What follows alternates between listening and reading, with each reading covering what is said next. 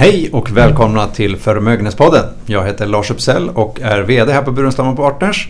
Och idag ska vi prata ESG och hållbarhet. Och för att göra det idag så har jag bjudit hit Silja Holms Indal som jobbar på EQT Foundation. Välkommen hit Silja! Tusen tack Lars! Eh, jättetrevligt att vara här. Ja. Du, vi ska ha ett trevligt samtal här och eh, jag tänkte att du skulle få börja med att berätta. Vi vet ju lite grann om EQT, det är ju ett riskkapitalbolag börsnoterat numera. Och, men då EQT Foundation, du är Head of EQT Foundation. Vad gör ni? EQT Foundation var upprättat när EQT listade på börsen och äger 1% av EQT. Eh, och det är ju en vehikel som är satt upp för att kunna eh, vara en katalysator i sam samhället. Eh, så både genom att ge donationer och eh, investeringar eh, som kan ta en annan riskprofil för att få igång de ändringarna som vi vill se i samhället. Du pratar ju lite norska, det hör vi ju här. Vi ska försöka, om det är svåra ord och så vidare, så ska vi se om jag kan rätta till eller liksom förklara dem. Men eh, du bor i Stockholm nu sen, hur lång tid, när flyttade du till Stockholm? Jag flyttade till Stockholm i augusti. Augusti, så ganska nytt. Men jag vet, vi pratade med dig i höstas och din svenska har blivit bättre. Ja, ja, ja, jag har övat mycket. Jag tänkte så här, nu när jag ska på podcast som är, det är liksom, när man inte kan gestikulera med händerna så måste man vara tydlig i språket. Så jag, jag hoppas nu att jag har övat nog till detta här. Eh, vi kan gestikulera med händerna men det kommer inte gå igenom till lyssnarna. Men vi ska börja nu då. Vad, vad menar vi egentligen med hållbara investeringar Silja? Du kan eh, se, om du ser för dig nu, sedan vi är på en podcast, att du har en linje föran dig. Och helt till vänster så har du traditionella investeringar. De har inte ett blick på hur de eh, agerar i förhållande till ett ansvar för samhället. Så flyttar vi oss lite mot höger så har vi det som vi har plöjt att kalla ansvarliga investeringar. Och så flyttar man sig lite mer till höger, då finner man hållbara investeringar. Och så flyttar man sig ända ett tag till höger och där har vi det vi kallar impact-investeringar. Så hållbara investeringar är på något den graden av ansvar man tar. En ansvarlig investering tänker ofta att man inte ska göra någon skada på samfunnet. Det är ofta människorättigheter men också lite eh, klimaansvar. Eh, så när man flyttar sig över till hållbara investeringar så handlar det om den kombinationen av att både eh, ta hand om risken för samhället men också se på vilka bolag er det som, også skaper, som är bærekraftige och gode för samfunnet. Och så flyttar vi oss ett tag till impactinvesteringar som har et enda mer fokus på att vara lösningar för samhället och de globala utmaningarna vi står inför. Det finns en skala där. Kan, kan ett bolag då vara liksom eh, både hållbart och inte hållbart? Kan det vara liksom delvis hållbart? Eller vad, säger du? Usch, eh, nu ska jag vara lite så här... Eh, eh säger man festbrems på svensk? Festbroms? Ja. ja man bromsar festen? Ja, man bromsar festen. Ja. Eh, jag tror inte... Det, det är väldigt få bolag i världen som är hållbara. Och jag tror det var um, Paul Polman som sa det först att man kan inte vara ett hållbart uh, bolag i ett, en ohållbar värld. Och det handlar väl om att det här är en resa Eh, och att alla bolag måste visa att de är på väg till att bli hållbara eh, genom att minska sin risiko mot omvärlden och se på hur de kan leverera värdier för samhället. Bra sagt. Du, vi vi, ni jobbar med investeringar, vi jobbar en del med investeringar. Det finns liksom olika strategier inom hållbarhet. Det är normbaserad eh, screening, bäst i klassen, man pratar om exkludering, integrering, också påverkan då, eller impact. Eh, det finns massa olika strategier men eh, vad skulle du säga är det mest liksom, centrala för att lyckas med hållbara investeringar? Alltså jag, jag tror att för att lyckas med en hållbar investeringsstrategi så måste man ju veta vad man är god på. Eh, så för ett, ett liksom investeringsförvaltare så kan det vara att man går in i industrier som tränger att omställas till ett grönt samhälle. Och då vill man ju kunna gå in i industrier som eh, tränger att förbättras med att vara en aktiv ägare i, i, den typen. Men så kan man på andra sidan säga, jag önskar inte att vara investerad i den risken för de bolagen som må gör en jättestor jobb med att omställa sig. Så jag kommer att köra negativ screening, jag kommer inte att vara i många av de industrierna som kommer att ha svårt för att omställa sig i de nästa åren. Och, och det är ju på något lite utifrån hur man önskar vara som ägare och investor. Eh, jag tror ju eh, negativ screening och divestment fick ju jättemycket medieuppmärksamhet och var ju på något populärt. Vad, vad är divestment? Det är när du träcker dig ut av någon investering nästan som i en protest. Mm. och det eh, var ju något som kom för förbrukare och samhället som sådan tyckte det var bra om vi tryckte oss ut av någon industrier. Men då kommer ju som regel andra investerare in. Så den reella forskellen för samhället är inte stor nödvändigtvis av divestment om det kommer in nya pengar. Eh, och då kan det vara viktigare att någon tar rollen med att vara en aktiv ägare som driver igenom en omställning av en bransch. Eh, så kan du säga på andra hållet, eh, det jag tror man lyckas bäst med idag är om man har en form för eh, nedre gräns, en, en, negativ screening på de här industrierna tror jag inte på, de går jag inte in i. Och att man samtidigt har en tematisk ehm, approach på vilka Eh, industrier eller möjligheter man ser i marknaden för att världen är i ändring. Eh, de här tror jag kommer att göra det starkt de nästa åren, så vi ska ha lite av de industrierna. Och så tror jag också att det är jättemånga bolag som är i mitten, eh, men som också kommer till att omställa sig eh, för att bli ändå bättre. Och då ser man ju det här med hur är man med och bygger best in class-exemplen som kan vara de som går förut för en bransch. Vad är din favoritstrategi då? Oh, jag gillar lösningar. Jag absolut älskar så här när en ny entreprenör har funnit en eh, innovativ ny måte att lösa ett problem på. Och, att, och en måte att lösa ett problem på som bara är bättre än det vi håller på med idag och som enkelt kan skaleras. Eh, och det vi ser är ju att det finns jättemånga sådana impact-investeringar man kan göra. Eh, men att de ofta är Eh, hög risiko, de kräver mycket kapital i starten. Det är ofta research som ska kommersialiseras. Eh, så den startfasen är jätte, jättesvår. Det, där trivs jag när jag får jobba med dem där. Um, men, och det tänker jag ju uh, som en, en, del av en portfölj uh, så är ju det kanske 10-15 procent som är kanske den här, entreprenör-impact-investeringar. VC. Det är intressant, det tar lång tid, man måste vara långsiktig uh, och investera. Men det, det är här vi också kan få det vi kallar för disruption, eller disruption. Eller hur? Absolut. Eh, och eh, det är ju eh, snyggt att se hur man kan jobba både med entreprenörerna men också de sällskapen som tränger entreprenörerna för att hitta ny teknologi när man ska omställa sin, eh, sin kedja för att skapa värde. Ja. Du, vi ska inte släppa det här med exkludering. För exkludering är väl kanske det som de flesta känner igen. Att, eh, och det är ofta det vi kan se i media. Man skriver om att någon har investerat i olja eller eh, nu sist tror jag det var någon miljöpartist här som hade, ägde någonting i någon oljeindustri. Men eh, man exkluderar alkohol, energi, tobak eh, och så vidare. Och alkohol kan jag säga, det är väl någonting som är ett svenskt fenomen att man exkluderar alkohol. Eh, internationellt så kan det vara lite annorlunda. Så när man jobbar med utländska förvaltare så kan det vara så att alkohol fortfarande finns med. Men är det här med exkludering menar du, är det ett gammalt sätt att, att se på saker och ting eller? Är det skadligt till och med? Nej, jag tror det är, det är en måte att begränsa sin risiko. Eh, och det är ofta etiskt för någon branscher och så är det miljöpåverkning för andra branscher. Som man säger att eh, eh, här önskar jag inte att vara investerad. Och jag tror att man kan säga både mycket, mycket större och säga att liksom, det vi ser nu är att färre och färre önskar att vara med och investera i människets undergång. Mm. Men människans undergång? Ja, men jag tror det är så att liksom idag om man investerar i ett bolag som inte har tänkt att omställa så är man per definition med att investera i att vi inte ska kunna överleva på planeten. Och så med den nya generation som nu kommer in eh, så är det också färre och färre som önskar jobba för den typen av bolag som, som är, gör att vi är på väg den vägen. Eh, och jag tror ju det att eh, för EQT och EQT Foundation, något, något av det viktigaste vi kan se på med de som eh, driver de bolagen vi investerat i, är att de är med på future-proof their company. De är på väg i rikt, riktig riktning av det samhälle vi har lust att leva i. Och överleva i. Överleva. Eh, både samhället och vi. Men du, om vi tittar så här. Om man har, vi pratat om olika strategier. Kan det vara så att man, trots att man använder lite olika strategier kan man fortfarande sluta med att man gör samma typ av investeringar och får samma portfölj?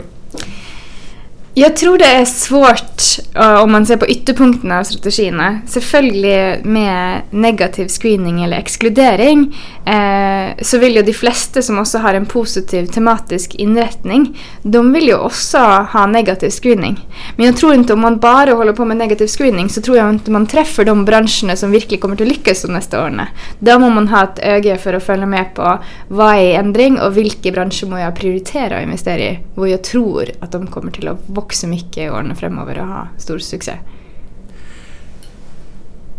Men vi investerar ju ofta, du sa ju EQT Foundation kanske inte har samma krav på sig när det gäller då avkastningskrav.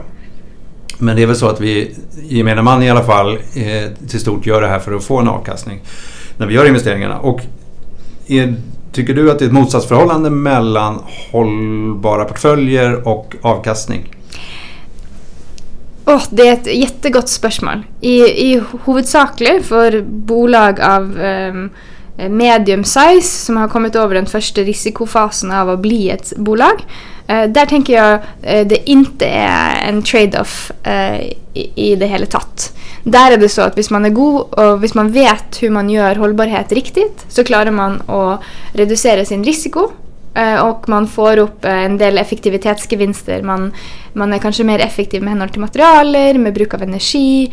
Eh, man har kanske ökt kundlojalitet, man klarar att innovera bättre med hänsyn på var världen är på väg och man har ofta också en, en möjlighet att vara med och påverka regleringarna. Så det vi ser i liksom, etablerade bolag är att där är det verkligen så att det att vara hållbar, det styrker ens lönsamhet. Så eh, är saken för de bolagen som är jätte, jättesmå så vill det också vara att många av dem har en affärsmodell där det vill vara en stark link mellan eh, det att vara hållbar och det att tjäna mycket pengar. Där vi ser att det kan vara svårt är ju de bolagen som ska leverera tjänster till land där man inte har betalningsvilja eller betalningskraft för det produkt eller tjänsten. Och där önskar ju jag att Equity Foundation ska vara med och innovera så att vi kan hjälpa de entreprenörerna att strukturera sig. Eh, nästan så att man reverse engineer it. Alltså, man, man tar tillbaka det från investorperspektivet. Hur må entreprenören leverera marginer för att kunna attrahera sig växtkapital? Och hur brukar vi det utgångspunktet till att lösa problemet i det marknaden där de ska leverera tjänster och produkter? Eh, för exempel med blended finance. Det att ha en... Vad är blended finance? Det när man, man blandar ihop eh, offentlig och privat kapital till mm. exempel eh, för att få till rätt sak. Eh, och, och då kan man ofta se att idag så har vi många organisationer som är en kund som köper eh, myggnättingar för för att stoppa malaria. Så de är på något en impact outcome customer. De är en påverkningsbetalande. Eh, eh, men inte för själva produkten eller tjänsten i sig själv men för impacten, för effekten av det produkten. Eh, och det vill man ju säga att eh, offentlig kapital eh, kan och har möjlighet att ta en större roll i att betala för effekten i samhället. för det är de som kommer att spara pengar på att lösa de här problemen i många, många städer. Men som privat investerare, tror du att det finns, eller privat, även institutioner och så vidare, är det vissa som söker sig mot hållbara investeringar för att man tror att man kan få bättre avkastning där till och med, tror du? Absolut. Eh, alltså, eh, ja, alltså, det är ju bevisat i mycket forskning att man, eh, ett, ett sällskap som gör hållbarhet riktigt, de har bättre avkastning. Eh, och jag har ju egentligen inte eh, tänkt på detta eh, från den idealistiska sidan. Jag har ju jobbat med detta som ekonom och investerare på okej, okay, men hur, hur går man fram för att bruka hållbarhet till att driva profitabel, eh, profitabla bolag och eh, lönsamhet? Och det, måte, det har jag trott har varit, varit det viktigaste. Vi har inte tid att vänta på att alla ska ha lust att investera för, för samhället. Men eh, nu har vi kommit dit för alla väljer att investera för sin egen lommebok och det är jättebra. Och då räddar vi planeten också. Ja, som en bieffekt och det är ju supert. Det är super. Du, eh, vi ska hoppa in på... Jag skulle säga att EU är väl lite grann drivande kan man säga i, i globalt när det gäller hållbarhet eller ESG. Eh, nu kommer det ganska mycket lagstiftning eh, åren som kommer. både i år och, flera, och det kommer ändras lite grann längs vägen. eh, och blir vad ska jag säga, en mer, mer rigid lagstiftning med åren. Vi ska på grön ljuskur. Hela ekonomin i EU ska på en Hälsokur. grön detox. Så vi ska egentligen eh, skilja ut de eh, från ekonomin vår som förhoppningsvis inte klarar sig igenom den här ljuskuren. Och där tror jag EU, det de, det de gör nu är jätte, jätteviktigt med att eh, det är ett så massivt regelverk och kommer till att ha så stora ringvirkningar för hur man, man eh, jobbar med hållbarhet. Jag vet att vi pratade lite grann innan eh, vi gjorde den här podden och vi pratade om GDPR. GDPR kommer som eh, en eh, stor våg kan man säga, men den kom på ett specifikt datum. Eh, nu kommer jag inte ihåg exakt när det var, men det var ju våren 2018. Det törs jag lova. Men den här lagstiftningen kommer ju inte komma som en stor våg, utan den kommer komma som flera vågor. Tycker du att det är en parallell? Kommer det vara samma liksom, impact på vår vardag? Nej, men man märker ju lite av den samma eh, atmosfären i, i luften när man, när man talar med folk på investeringar och, och hållbarhet. Att liksom för eh, GDPR eh, så var det ju en, eh, en lite förvirring. För man, vis, man visste inte hur detta här kom att påverka ens bolag och vad man måste göra. Och så hade vi ju, jag vet inte, någon vecka där där man fick jättemycket mail för alla mejlingslistor man stod på för man måste, måste siffra till dem man, man hade samlat sin information på.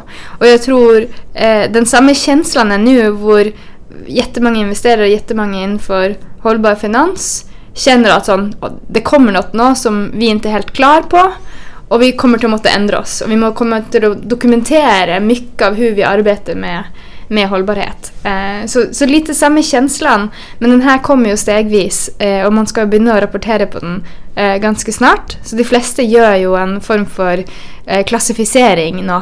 Eh, driver jag med hållbara investeringar? Om jag driver med hållbara investeringar så måste jag dokumentera hur min eh, hållbarhet informerar min investeringsstrategi, hur jag följer upp under min holdingperiod av bolagen och hur jag rapporterar på det. Och där kommer det en del eh, fasta eh, alltså, ting man ska mäta på som alla ska mäta på. Och det har man ju egentligen väntat lite på. Eh, fordi eh, det har varit vanskligt att ha en, en, en enlighet runt hur man rapporterar på hållbarhet. Jag menar ju på att den här lagstiftningen kommer påverka alla. Så även om du är så att säga, klimatförnekare och inte tror på klimatförändringarna överhuvudtaget. Det är inte så många av dem kvar längre men, men det fin de finns fortfarande.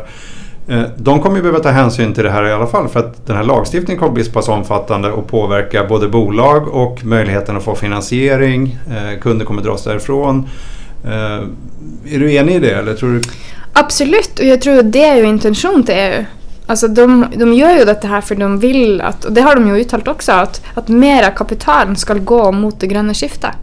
Uh, och jag tror det är med att lösa ett jättestort problem med att inte ha så mycket passiv kapital som bara står där och som inte gör en ändring i samhället. Jag tänkte be dig om lite råd här också. Vi, vi har ju i, i Burenstam Partners då en eh, vi har en oberoende position så vi väljer ju, vi har inte egna produkter att producera så och väljer de slutgiltiga, vi väljer förvaltare. Och eh, vi tror ju att vi gör störst påverkan hållbarhetsmässigt genom att påverka förvaltarna i sin förvaltning. Att välja de bolagen som då driver utvecklingen åt rätt håll. Så vi vill ju jobba med den här påverkan som jag vet att du nämnde var. Så det kanske är en, en, en öppen dörr här. Men det är ju så som vi har tänkt att vi ska jobba med den här. Sen har vi börjat mäta också så att vi har ju nu i appen och snart här på kundportalen också att man mäter både ESG-score och eh, koldioxidavtryck. Eh, tror du att det här är ett bra, det är vad vi har kommit till just nu. Sen kommer vi utveckla den där och eh, vi kommer tillbaka sen till lite datakvalitet och sånt. Men tror du att det är rätt väg och vad ger du för tips på vägen? För det här är ganska nytt för oss egentligen. Med, alltså vi har ju alltid jobbat med hållbarhet så, i att påverka men rapporteringen är nytt till exempel. Ja men jag tror, jag tror att vi har startat det helt riktig ända och det är att liksom att i alla fall ha en tanke om vad man ska mäta och att man ska göra en forskel. Och så ha processer för hur man gör en forskel. Så för alla de dere eh, jobbar med, eh, ha, ha, ha, det som ett liksom, eh, obligatoriskt att man måste ha en samtal om det. Man måste sätta igång någon målsättningar för deras period att jobba tillsammans med de, på vad man önskar att få till. Eh, så att ni också är med och, och driver dem i en ännu bättre riktning och, och supporterar dem i, i deras arbete eh, i den riktningen. Du, mätning är lite grann svårt. Det blir ögonblicksbilder till exempel på, på hur, vilka bolag som eh, eh, en förvaltare investerar i till exempel. Men det, man vill ju gärna, när man mäter vill man gärna jämföra med någonting. När vi, eh, vi har jämförelseindex när vi jämför hur bra avkastningen är till exempel. Eh, och det finns ju även index på hållbarhet. Det finns väl två erkända. Jag tror MSCI har det ena och det andra heter Dow Jones Sustainable Index. Eh, som jag tror också var det första. Eh, men de här, ibland kan det vara så att de visar lite olika data och sådana saker. Hur ser du på index? Är det en mätmetod som kommer fungera? Kommer det kanske bli bättre allt eftersom? Om den är mätt på, på, på, på absolut data, så vil det jo være vanskelig ofte på, på tvers av industrier. Man vill ofta ha en benchmark innad i en industri på koldioxid for, till exempel. Eh, på hur effektiv man är i den industrien. Och eh, koldioxid vill ju vara väldigt eh, ulikt från bransch till bransch. Och de indexerna ser ju också jämför branscher när man också eh, eh, ritar eller mäter bolag. Jag tror eh, indexer är kommit för att bli. Jag tror det som är viktigt är ju att bolag eh, ser till att ha uppdaterad data på sin hemsida. För vi vet ju att de ser ju inte till när de går och hämtar information och om de inte finner något så får man en dåligare mätning. Eh, så jag tror det är mer det som bolag att veta vad är det man mätas på globalt och hur gör jag det lätt för någon att finna på min nettsida.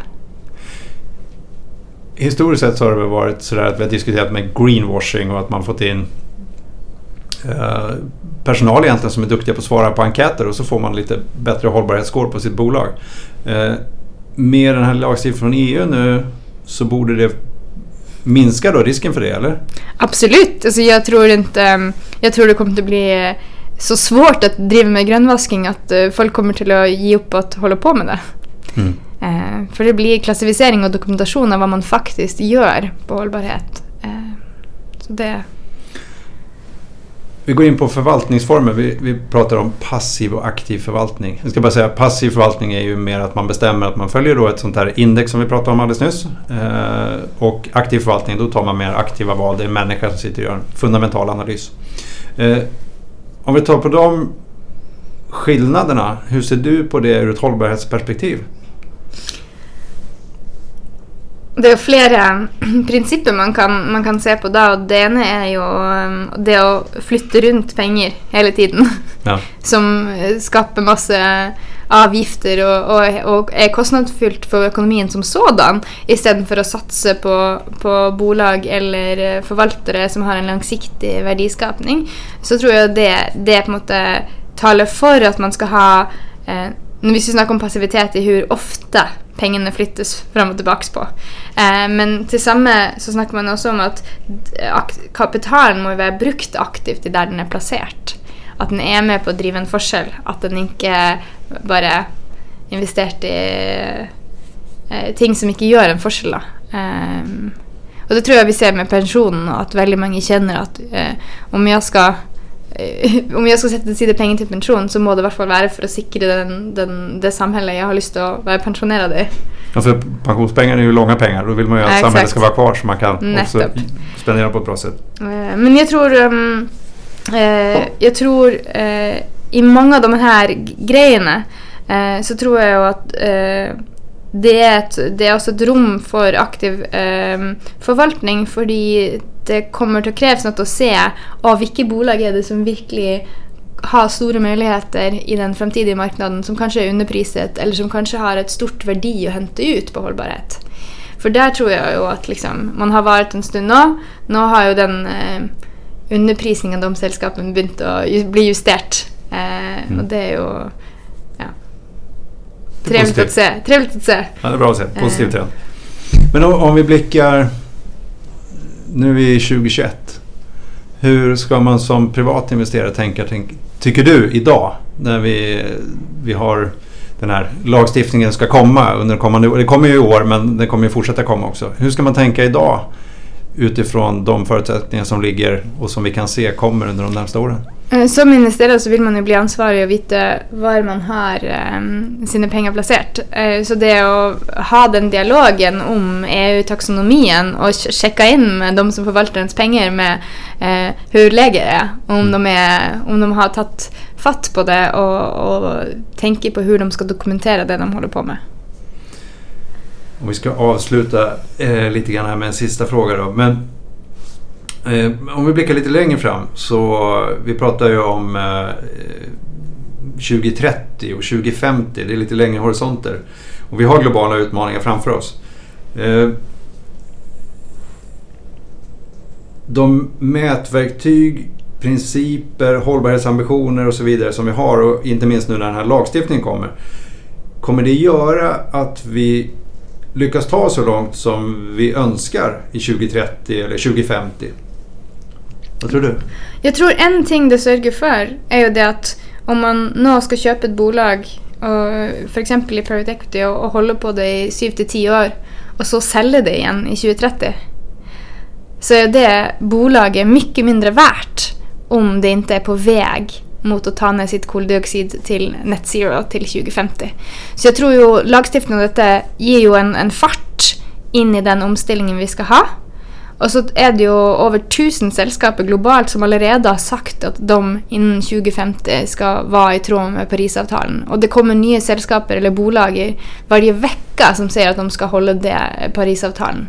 Eh, så jag tror när vi har ett så pass starkt driv fram mot 2050 og så er det egentligen, når jeg tenker meg om, heller ikke noe å sitte her og tenke på om vi kommer til å lykkes med det eller ikke. Vi måste ju bara sørge for å gå på jobbet og få så mye som möjligt gjort. Men vi har god fart. Det får bli slutorden. Vi har god fart och det kommer att fortsätta springa på. Absolutt. Stort tack till er lyssnare att ni har lyssnat och Silja, stort tack för att jag fick prata en stund med dig. Takk samme.